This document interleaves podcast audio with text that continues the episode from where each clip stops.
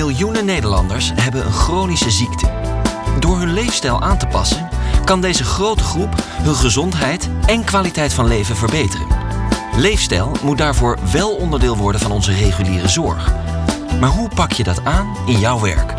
Luister naar Leefstijl in de Zorg voor de nieuwste wetenschappelijke kennis, praktische inzichten en tips om aan de slag te gaan.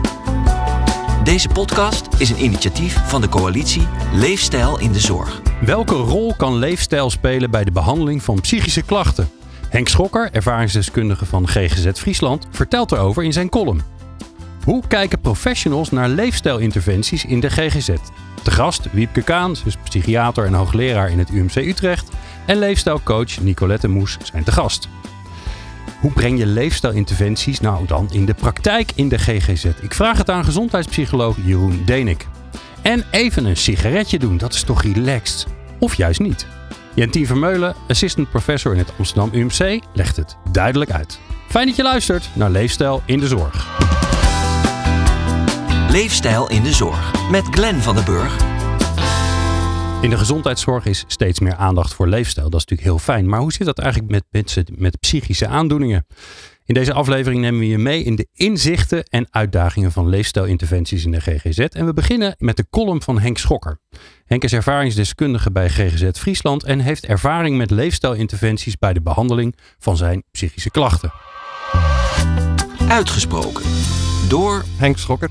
Ik heb een uh, column geschreven die uh, is getiteld Mijn GGZ-behandeling gaf mij handvaten voor gezonde leefstijl.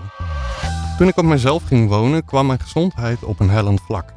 Ik begon mij meer terug te trekken uit sociaal contact en ik besteedde al mijn tijd aan stage en school en daarnaast werkte ik 24 uur per week. Zelfzorg deed ik alleen wanneer ik de deur uit moest en qua voeding was het motto hoe makkelijker, hoe beter. Toen ik door relatief kleine ongelukken veel thuis zat, ging het mis. Er was geen noodzaak meer om goed voor mezelf te zorgen. Ik had geen sociaal contact meer. Ik stopte met mijn opleiding en zegde mijn baan op. En toen kwam het dieptepunt. Ik deed een suïcidepoging. Een GGZ-behandeling werd opgestart. In deze periode waarin ik overweldigd was door de psychische kwetsbaarheid, had ik geen ruimte om bewuste keuzes te maken. Ik was vooral bezig met overleven. Tijdens mijn behandeling leerde ik herkennen wanneer ik ongezonde coping toepaste en leerde hier gezondere alternatieven voor te vinden. Door een vierdaagse groepsbehandeling werd weer structuur in mijn leven gebracht. Door de sociale controle van de groep, vrienden en familie moest ik meer aan persoonlijke hygiëne en gezonde voeding doen. Hoewel ik me er in deze fase minder bewust van was, heeft dit ingrijpen ervoor gezorgd dat ik begon te merken dat een gezonde leefstijl invloed heeft op hoe het met mij gaat. Er werd een zaadje geplant.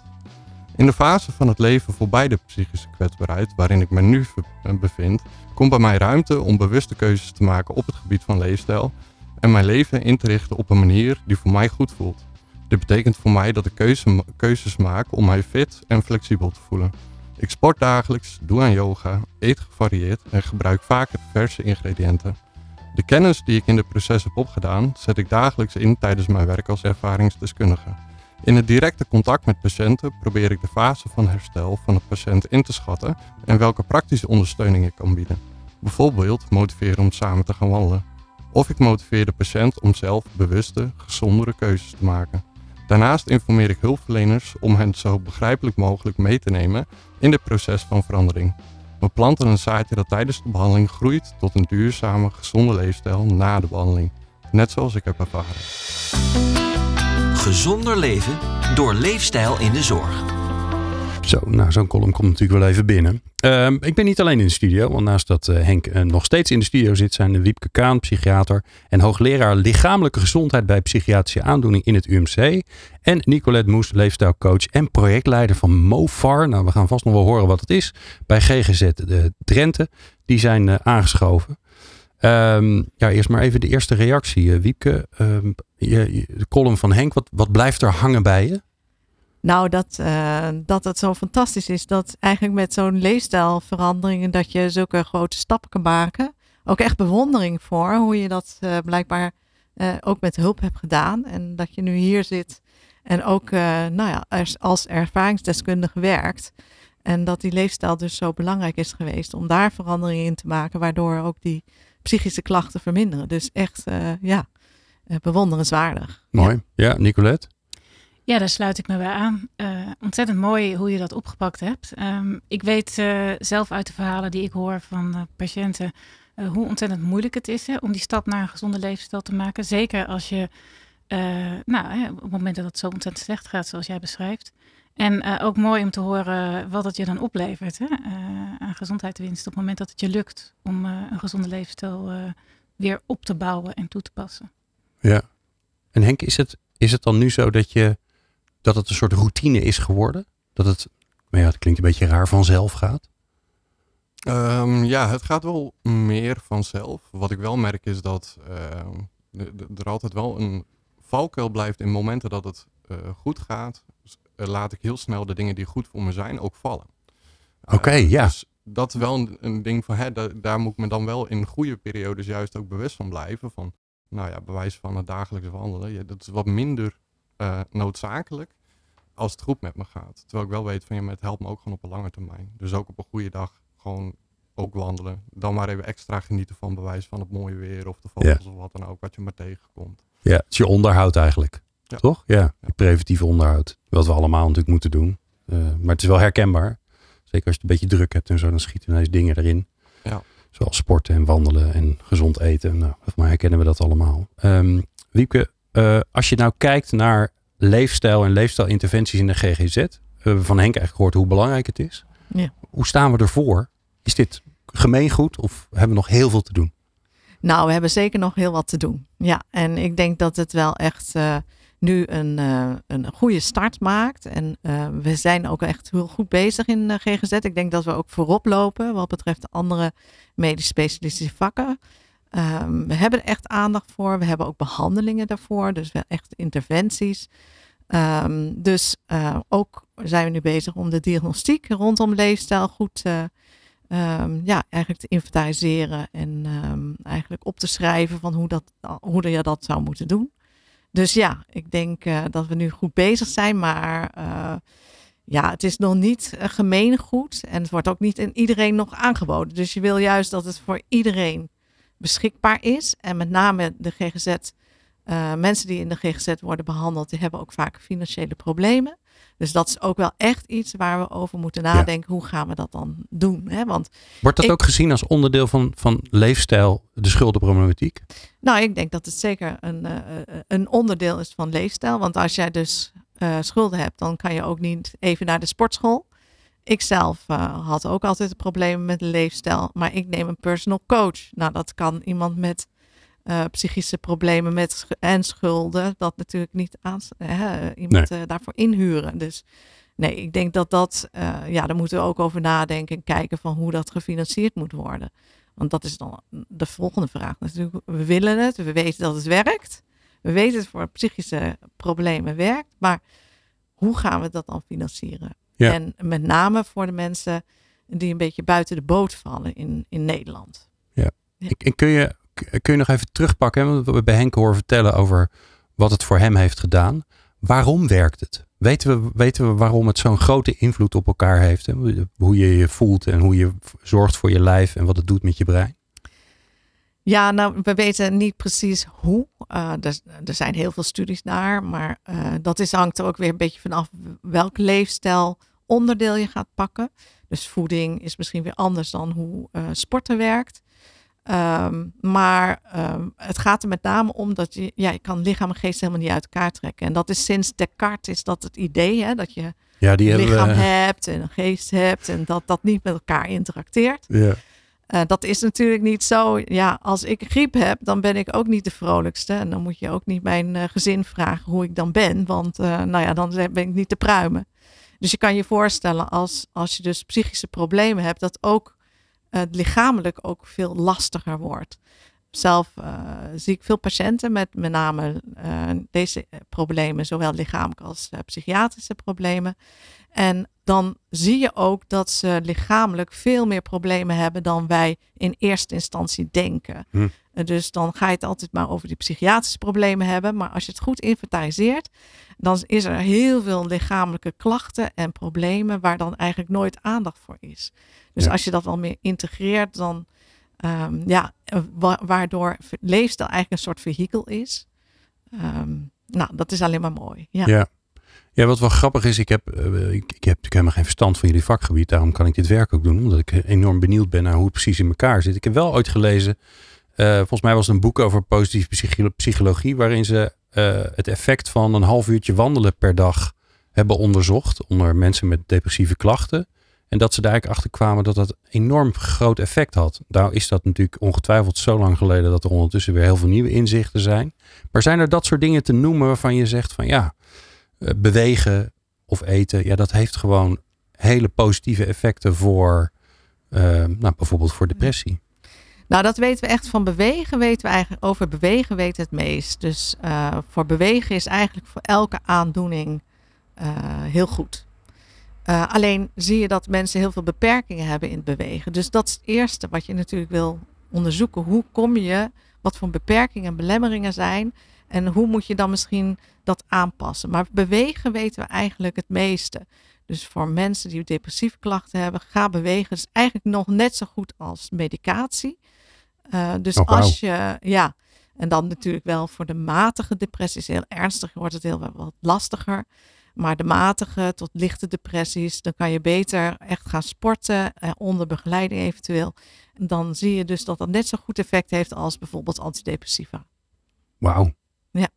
En, en zeg je dan, oké, dus allebei gebruiken? Of, maar ja, dat valt misschien niet één op één te zeggen. Nee, natuurlijk. dat is natuurlijk per persoon moet Ja. je daar gaan kijken wat, uh, Wat nodig is. En wat iemand ook zelf wil natuurlijk. Ja.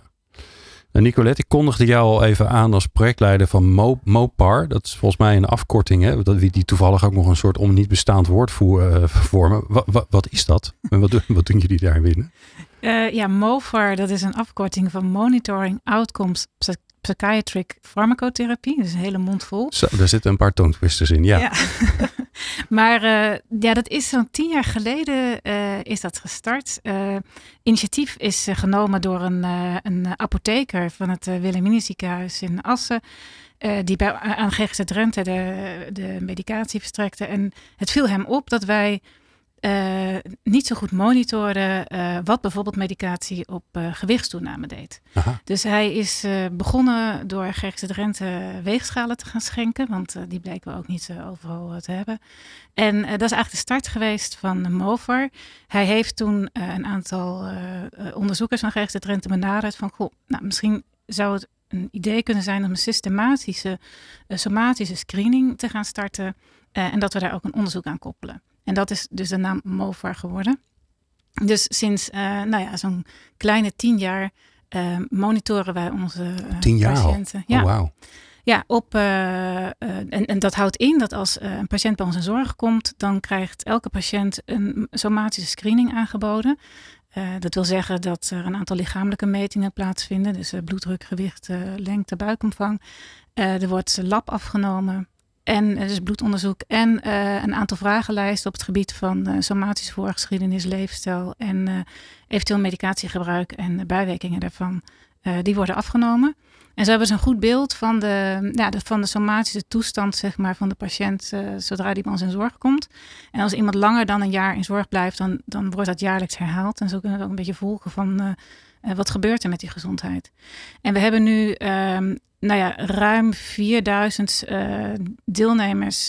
We vragen dus aan patiënten of ze dan bereid zijn om de gegevens te delen met onderzoekers. Ja.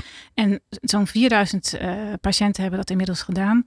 En, uh, en daaruit blijkt nu ook uh, dat uh, van onze patiënten, van die 4000 mensen, zo'n 60 um, procent, die heeft overgewicht. En 30 procent ernstig overgewicht.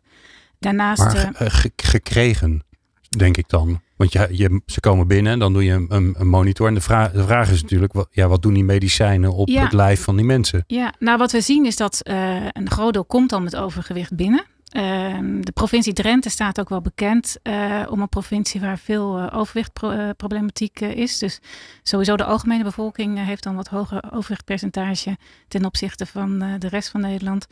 Um, maar je ziet wel dat, dat dat gewicht kan stijgen gedurende een jaar behandeling. Dus zodra ze met bepaalde medicijnen beginnen, dat uh, ja, soms kan er een gewichtstoename van 20, 30 kilo zijn in een tijd. Nou. Ja. En, en wat doe je vervolgens met die informatie? Want dat is natuurlijk interessant om te weten. Maar eigenlijk zou je dan zeggen, ja, als we weten dat bepaalde middelen tot, tot zo'n verandering van het lijf eh, van het lichaam van mensen betekenen, ja, dan moet je misschien preventief al gaan zorgen dat je extra misschien wel inzet op die leefstijl. Ja, wat we bij GGZ Rente dus nu goed georganiseerd hebben, is die somatische screening. Uh, en wat we nu aan het ontwikkelen zijn, is uh, inderdaad, wat doen we er dan mee? Ja. Um, je kunt het, de, de, er zijn gesprekken over voorschrijfbeleid bijvoorbeeld. Um, maar ook, uh, ja, wat, wat, hoe kunnen wij de, uh, onze doelgroep begeleiden om, um, om leefstijlproblematiek verder te ontwikkelen? Ja. Dus we, we, hebben een leefstijltraining die we patiënten aanbieden. En, en er ontstaan ook allerlei initiatieven ook binnen klinische afdelingen om, nou ja, om aan leefstijlbevordering te werken. Ja, dus als ik dan even simpel samenvat, dan denk ik: okay, als je dus psychische pro problemen krijgt, dan is leefstijl heel goed voor je om juist daaruit te komen. Hè? Dat is het verhaal van Henk. Um, op het moment dat je behandeld gaat worden en je krijgt allerlei farmaceutische middelen, dan moet je juist oppassen dat het niet de verkeerde kant op gaat. Hè? Dus dat je leefstijl niet beter wordt, maar eigenlijk verslechtert. Ja, dat klopt. Dat is nogal een uitdaging. Dat is ook een uitdaging. Dus sommige mensen kunnen ook, hè, die, die gaan goed eigenlijk op medicatie. Maar dan zie je wel dat er allemaal problemen ontstaan, somatische lichamelijke problemen als gevolg van die medicijnen. Dus dat wil je zo vroeg mogelijk ondervangen, ook door leefstijlinterventie. Maar soms is het ook, um, ja, zijn mensen in gewicht aangenomen, uh, toegenomen, de, voelen zich heel vreemd in hun eigen lichaam, schamen zich ervoor. Dus je krijgt ook nogal veel ja. andere psychologische problematiek daarbij. Um, ja, klinkt dus, als een soort visueuze cirkel ja, waar je in terecht gaat gaat soms komen. in een visueuze cirkel. Dus dan is het een beetje de vraag van hoe kom je daaruit? En uh, nou ja, je kan mensen natuurlijk helpen om ook met die problemen wat beter om te gaan. En uh, we zien in alle onderzoeken wat betreft leefstijl dat mensen niet echt heel erg gaan afvallen uh, door leefstijlinterventies, door het sporten of voeding aanpassen. misschien een aantal kilo, niet heel erg veel. Uh, maar dat, je, dat het met name gaat over dat ze zich conditioneel beter voelen. Ja, het gaat eigenlijk over het gevoel, meer over het gevoel dan Ja. dat er nou per se iets in je lijf uh, fysiek uh, gebeurt. Ja. Um, het is natuurlijk prachtig onderzoek. Ik kan me voorstellen dat daar heel veel van lering uit getrokken wordt en ook heel veel vragen uitkomen. Is meestal met wetenschappelijk onderzoek dat het vaak tot nog veel meer vragen leidt. Van ja, maar waarom dan, hoe dan en wat dan? Als je kijkt naar het wetenschappelijk onderzoek op dit gebied, hè, die leefstijlinterventie in de GGZ, uh, Wieke, gebeurt daar veel in? Wordt daar genoeg onderzoek naar gedaan? Um, wat is Ja. de stand van dat onderzoek? Nou, ehm, er wordt uh, vrij veel onderzoek nu gedaan. Er is ook nu wat beter, uh, wordt dat gefinancierd. Dus dat is ook heel fijn. We waren er al jaren geleden mee bezig, maar daar was nooit... Uh, Hm. Niemand was erin geïnteresseerd eigenlijk. Dus nu zie je dat het een vlucht neemt.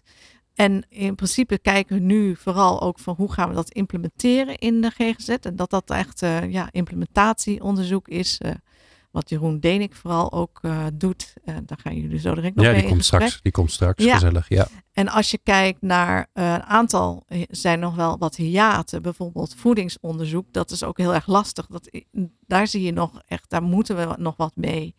Er is wel iets van kennis over wat het doet bijvoorbeeld voor uh, mensen zoals uh, jij en ik. Hè, dat gezonde voeding is goed voor iedereen. Maar kan je bijvoorbeeld met bepaalde diëten ook zorgen dat, hè, dat je bijvoorbeeld uh, de klachten kan verminderen? Ja. We weten bijvoorbeeld bij een ketogeen dieet, hè, de koolhydraatarme dieet, dat het helpt voor epilepsie of bij diabetes.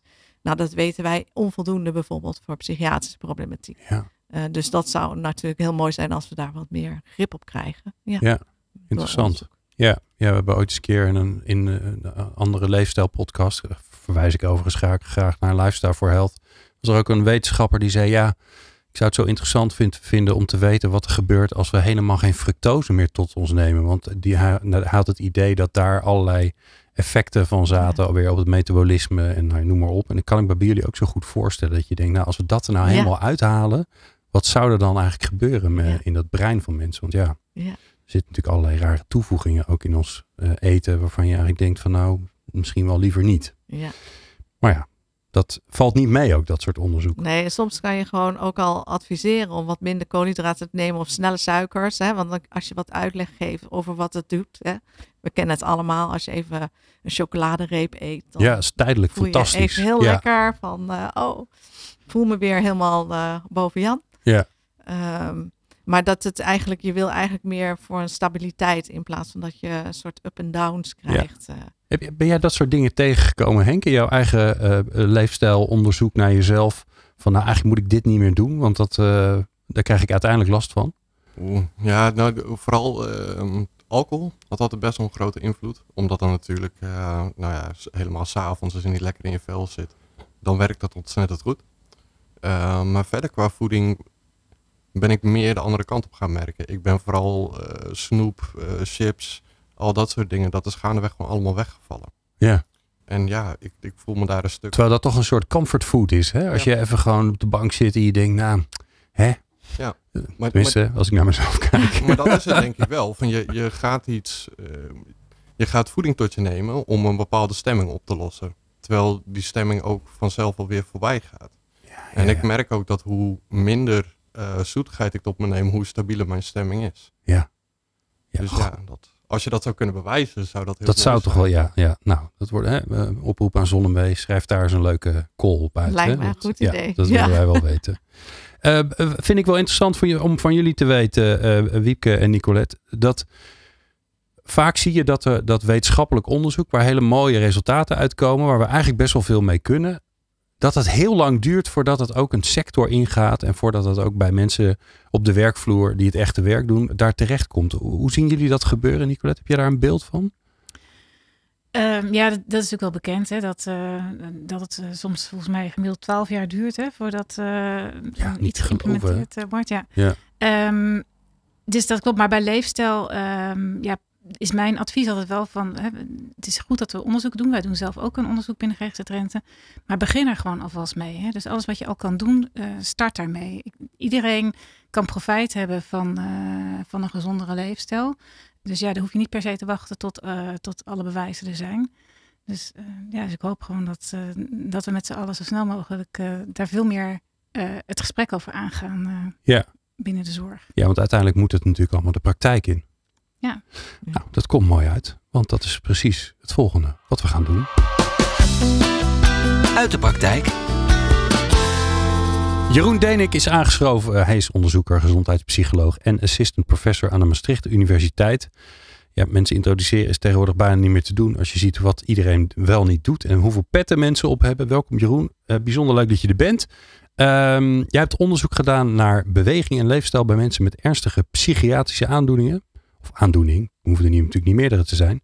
Ehm, en samen met je team heb je een gecombineerde leefstijlinterventie ontwikkeld voor, specifiek voor de GGZ. Waarom moest er een specifiek voor de GGZ iets komen? Ik zie jou kijken, ja, nou, het is iets genuanceerder. Ja, dat is altijd zo. Hè? Dat is gelijk de onderzoekersblik natuurlijk. Hè? Ja, nee, heel goed. Ehm, nee, ja, waarom? Dat is, nou, we hadden het er net al even over. Het is een mooi bruggetje inderdaad. De uitdaging van de implementatie. We weten heel veel. We hebben heel veel eh, kennis. Die kun je ook heel vaak mooi samenvatten als onderzoekers. Wat we allemaal wel niet weten over wat er werkzaam eh, is.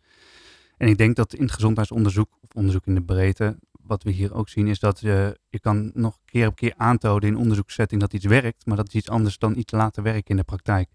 Ehm, Waar ik al even aan refereerde, is dat we eh, rondom bewegen, heb ik zelf ook achtergrond in als psychomotorisch therapeut, dat, daar weten we eigenlijk het meeste van in relatie tot psychische gezondheid. Ehm, daar hebben we ook de meeste interventies over, dus we zijn nu ook bezig met een exercitie om te kijken welke leefstijlinterventies of beweeginterventies zijn allemaal eh, gedaan, vanaf ooit in het begin. Ehm, en dan zie je dus dat als je die allemaal samenneemt, alle eh beweeginterventies in de psychiatrie, die onderzocht zijn ooit, dat er maar 10% daarvan is onderzocht in de omstandigheden waarin ze eigenlijk moeten plaatsvinden. Oh, de rest is allemaal Ja. een soort labsituatie geweest. Ja, ja, precies. Dus ja, we kennen allemaal als onderzoekers altijd een beetje inside joke natuurlijk inderdaad. Aan het eind van je artikel staat er is, nou, er is nog meer onderzoek nodig. Ja, ja zeker. Eh, maar, Door mij ehm, vooral, ja. Ja, het is wel een duidelijke boodschap vanuit ons. En ik denk iedereen die hier nu zit is volop bezig in de praktijk. Dat we dat dan wel moeten doen in de omstandigheden die, eh, die, die, eh, die er dagelijks zijn. En daar komen we ook een beetje op het punt van waar de uitdagingen liggen. Er werd net al aan gerefereerd. Mensen hebben zelf hun persoonlijke uitdagingen.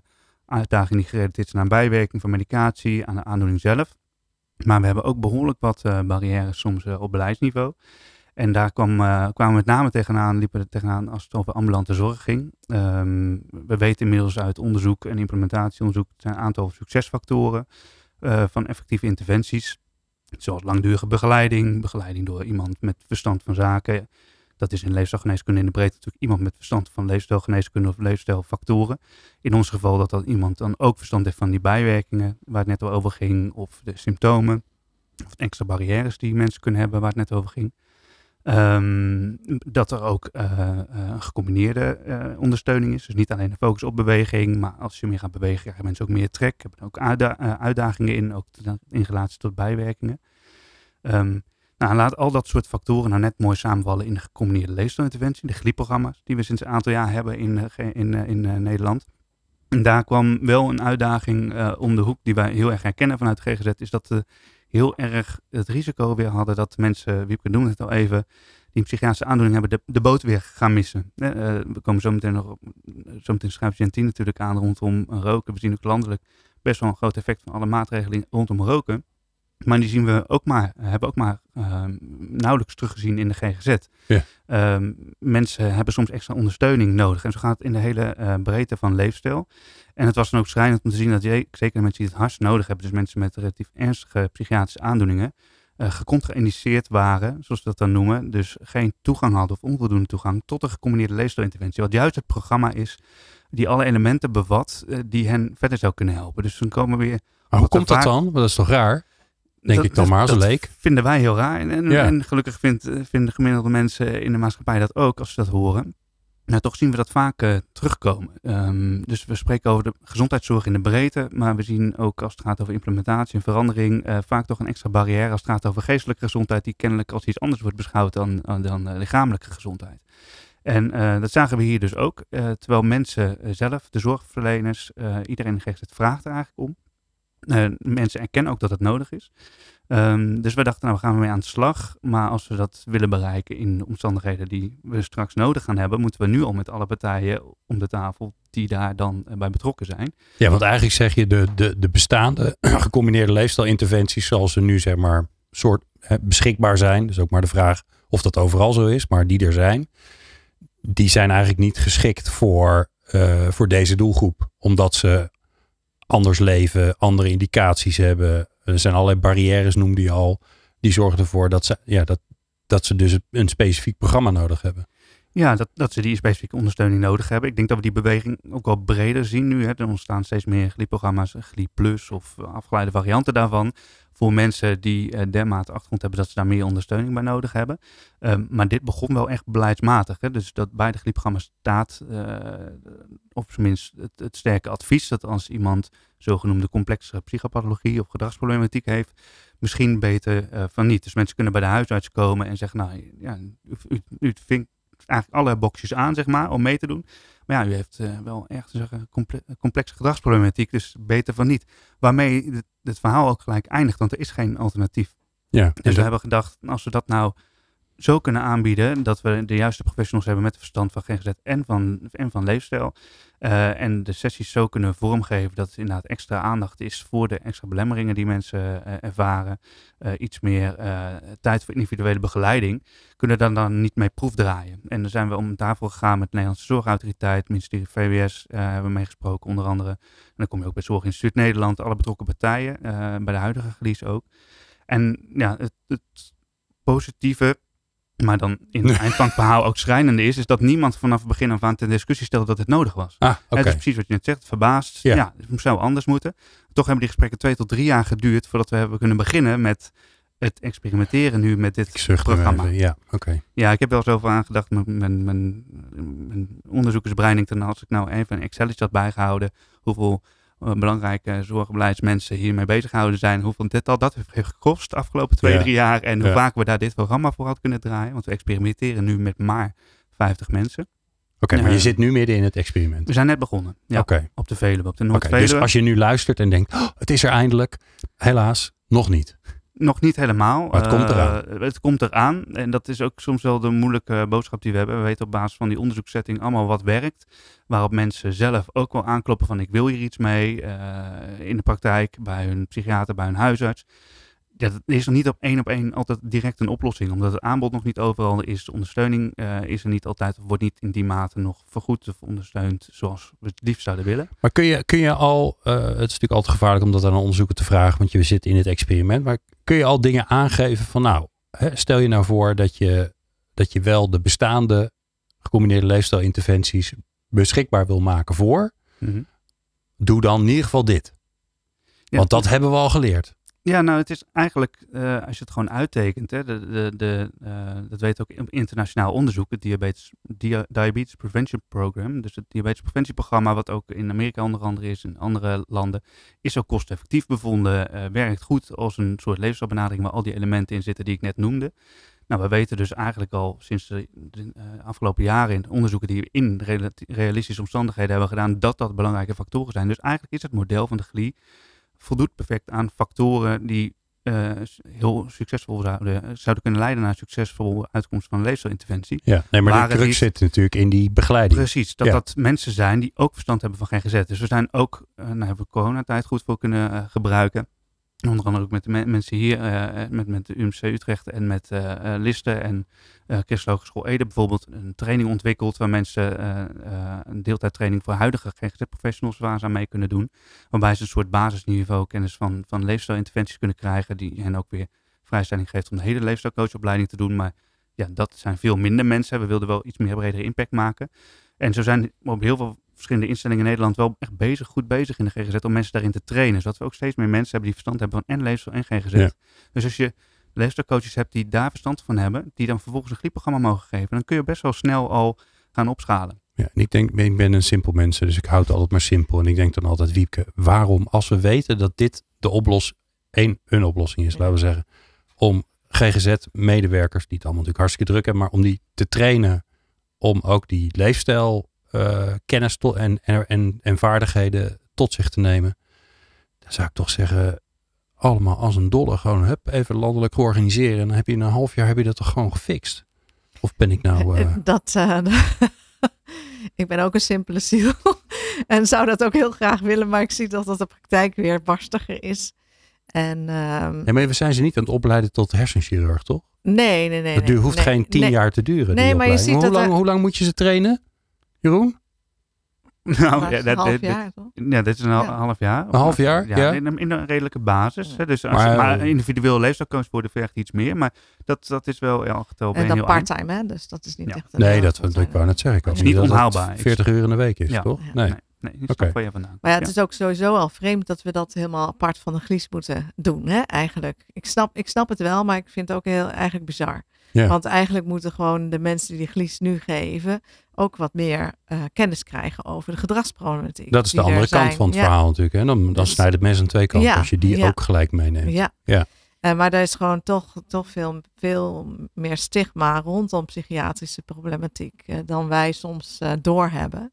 Ja, is dat een En- soort dubbele handelingsverlegenheid? Het is al moeilijk maar over leefstijl te beginnen. Maar als je dan ook nog eens iemand hebt met, met een Psychiatrische- eh, problemen, dan denk je al snel, En dan oh ook ja, nog nee, met nee. heel veel overgewicht bijvoorbeeld. Hè, want dan zit ook heel veel stigma op. Nou, Ja. dan zit je echt, dan heb je een driedubbel of een eh webby, zoals ze dat soms Ja, zeggen. ja, ja.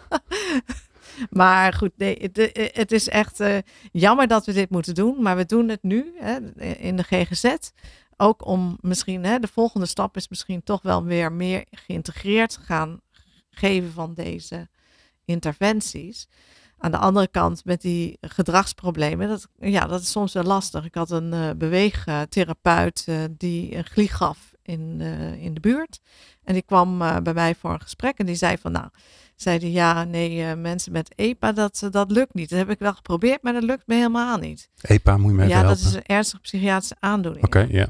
En dus hij zei van ja, als, ze komen gewoon niet opdagen. En dat, dat is ook zo, dat het initiatief soms lastig is om te nemen bij eh, mensen met een psychiatrische aandoening. Dus dat betekent dat je soms gewoon allemaal na moet bellen of voor moet bellen. Dus Ja. je belt ze als van tevoren op. Hé, hey, kom je nog? Maar ja, dat zijn dan de tips die ze in de gewone glie niet kennen.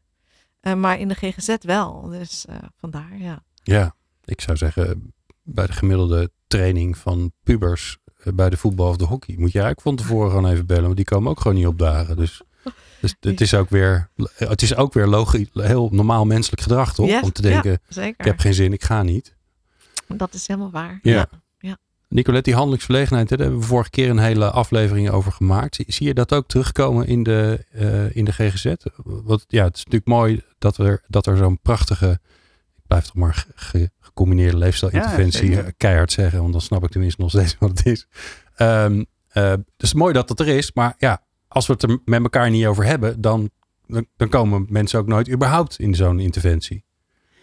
Eh, ja, nee, die, dat eh, klopt. Hè. Er is, eh, ik herken nog wel hand, handelingsverlegenheid. Ehm, als ik het met collega's over heb, van bespreek je wel eens eh leefstijlproblematiek, dan, nou, sommigen doen dat eh, vanzelfsprekend. Hè. En eh zijn vaak ook collega's die zelf veel met leefstijlbevordering hebben of met gezond leven hebben, die, die kaarten dat onderwerp veel makkelijker aan.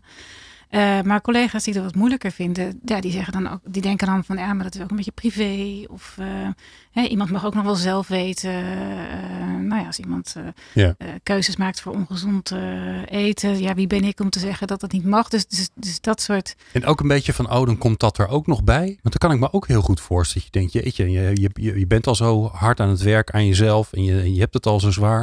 En dan moet je ook nog een keer gaan afvallen of bewegen. Poeh. Ja, dat eh, zeker. Ja, dat, Ja. En daar, daar, eh, dat, daar gaan we het zo meteen natuurlijk over hebben. Dat is ook vaak rondom het thema roken zo, hè, dat dat speelt. Ja. Ja. Dus, eh, dus nee, dat, dat is nog wel iets wat wij signaleren. Ja. Ja. Wat ik nog misschien nog even mag aanvullen, als je het goed vindt. Ehm, ehm, in Drenthe zijn we, hè, we hadden het net over van nou, het zou ook goed zijn om leefstijlcoaches wat meer kennis te geven over, over de GGZ.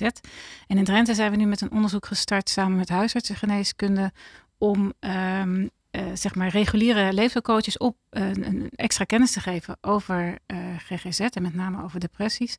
En zij gaan nu een eh leefstijlinterventie aanbieden in de huisartsenpraktijk voor patiënten die op de wachtlijst staan richting de GGZ of om te kijken van helpt deze interventie ook ehm, om de klachten te verminderen Ja. van de depressies. Dus, eh, wat slim.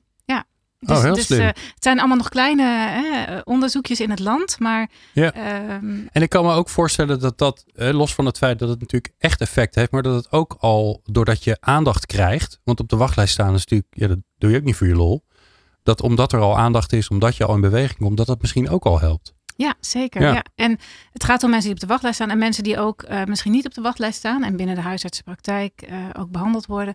Maar ehm, eh, waar we dus willen kijken van helpt zo'n interventie ook om de, om de depressieklachten te verminderen. Ze zijn niet zo geïnteresseerd, ook belangrijk hoor, maar minder geïnteresseerd in gaan, gaat iemand echt afvallen, maar meer van wat doet het nou met kwaliteit van leven en, Ja. en herstel van psychische klachten. Mooi. Jeroen, jij zit nog midden in je onderzoek. Wanneer ben je klaar? Nou ja, het programma duurt eh, net zoals Annelies twee jaar. Dus we zijn nu eerst mensen aan het instromen. Die hebben over twee jaar hun, eh, hun programma af. Eh, dan evalueren we dat natuurlijk nog op het eind. Maar we gebruiken ook tussen evaluaties om te kijken hoe het gaat. Ook meer vanuit, nou, nu het steeds meer leeft in de gezondheidszorg.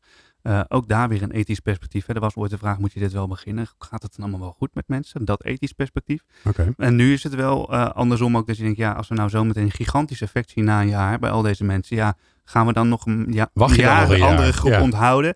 Kijk, we moeten natuurlijk ook eh, de effecten goed aantonen en we zeker ook de kosteneffectiviteit, hè, eh, waar heel veel beleidspartijen natuurlijk eh, om staan te trappelen, ehm, eh, laten zien, evalueren of dat, of dat zo is. Dus we evalueren na drie maanden, twaalf maanden en na twee jaar. Dus we hopen Oké. tussentijdse resultaten ook wel te doen. Dat doen we trouwens in veel van onze onderzoeken in het land, met ook collega's hier. Ja. Om ook tussentijdse metingen te hebben, omdat we ons ook beseffen, ja, hoe eerder we erbij zijn, hoe groter het effect. Nou, hou ons ook op de hoogte, want dan hè, we blijven deze podcast voorlopig even maken. Dus eh, eh, als jij eh, een leuke inzichten hebt, dan is het natuurlijk even leuk, leuk voor onze luisteraars te delen wat die laatste inzichten zijn. Zeker. Eh, dank jullie wel. Duidelijk uitgelegd. Leefstijl in de zorg. Roken is natuurlijk niet goed voor je, maar het is wel even lekker ontspannen, toch? Als je ooit gerookt hebt, dan weet je, ja, dat sigaretje in de stoeltjeslift op skivakantie of s'avonds na het eten, heerlijk toch? Ja, maar hoe zit het nou echt? Jantien Vermeulen is eh, assistant professor aan het Amsterdam UMC en zij legt ons uit wat het eh, effect van roken is op de mentale gezondheid. Het tegendeel is waar. Want wist je dat stoppen met roken uiteindelijk minder stress, minder somberheid en minder angst oplevert?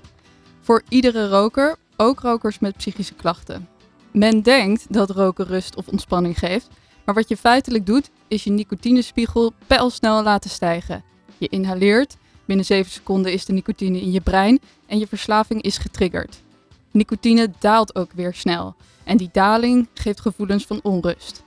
Zodra je de volgende sigaret weer opsteekt, rook je die onrust weg. Dit geldt voornamelijk voor mensen die dagelijks roken. Toch is er een enorme koudwatervrees om te stoppen met roken. Zowel de roker als de behandelaar durft het vaak niet aan. Dit terwijl behandelaren en rokers wel allemaal weten dat het beter zou zijn om te stoppen. Mijn advies is om aan de roker en de behandelaar samen in het diepe te springen. Begin het rookgedrag eerst te bespreken, te vragen waarom iemand rookt en waarom iemand zou willen stoppen. Een stopadvies met verwijzing naar een erkende stoppen met roken ondersteuning, bijvoorbeeld door gesprekken en nicotinevervangers, is effectief gebleken. Ik denk bijvoorbeeld aan eh, de website ikstopnu.nl. Kortom, roken komt ontzettend vaak voor bij mensen met psychische klachten. En stoppen met roken is echt iets wat veel aandacht behoeft. Uiteindelijk geeft het meer rust, meer vertrouwen in je eigen kunnen en meer gezondheid.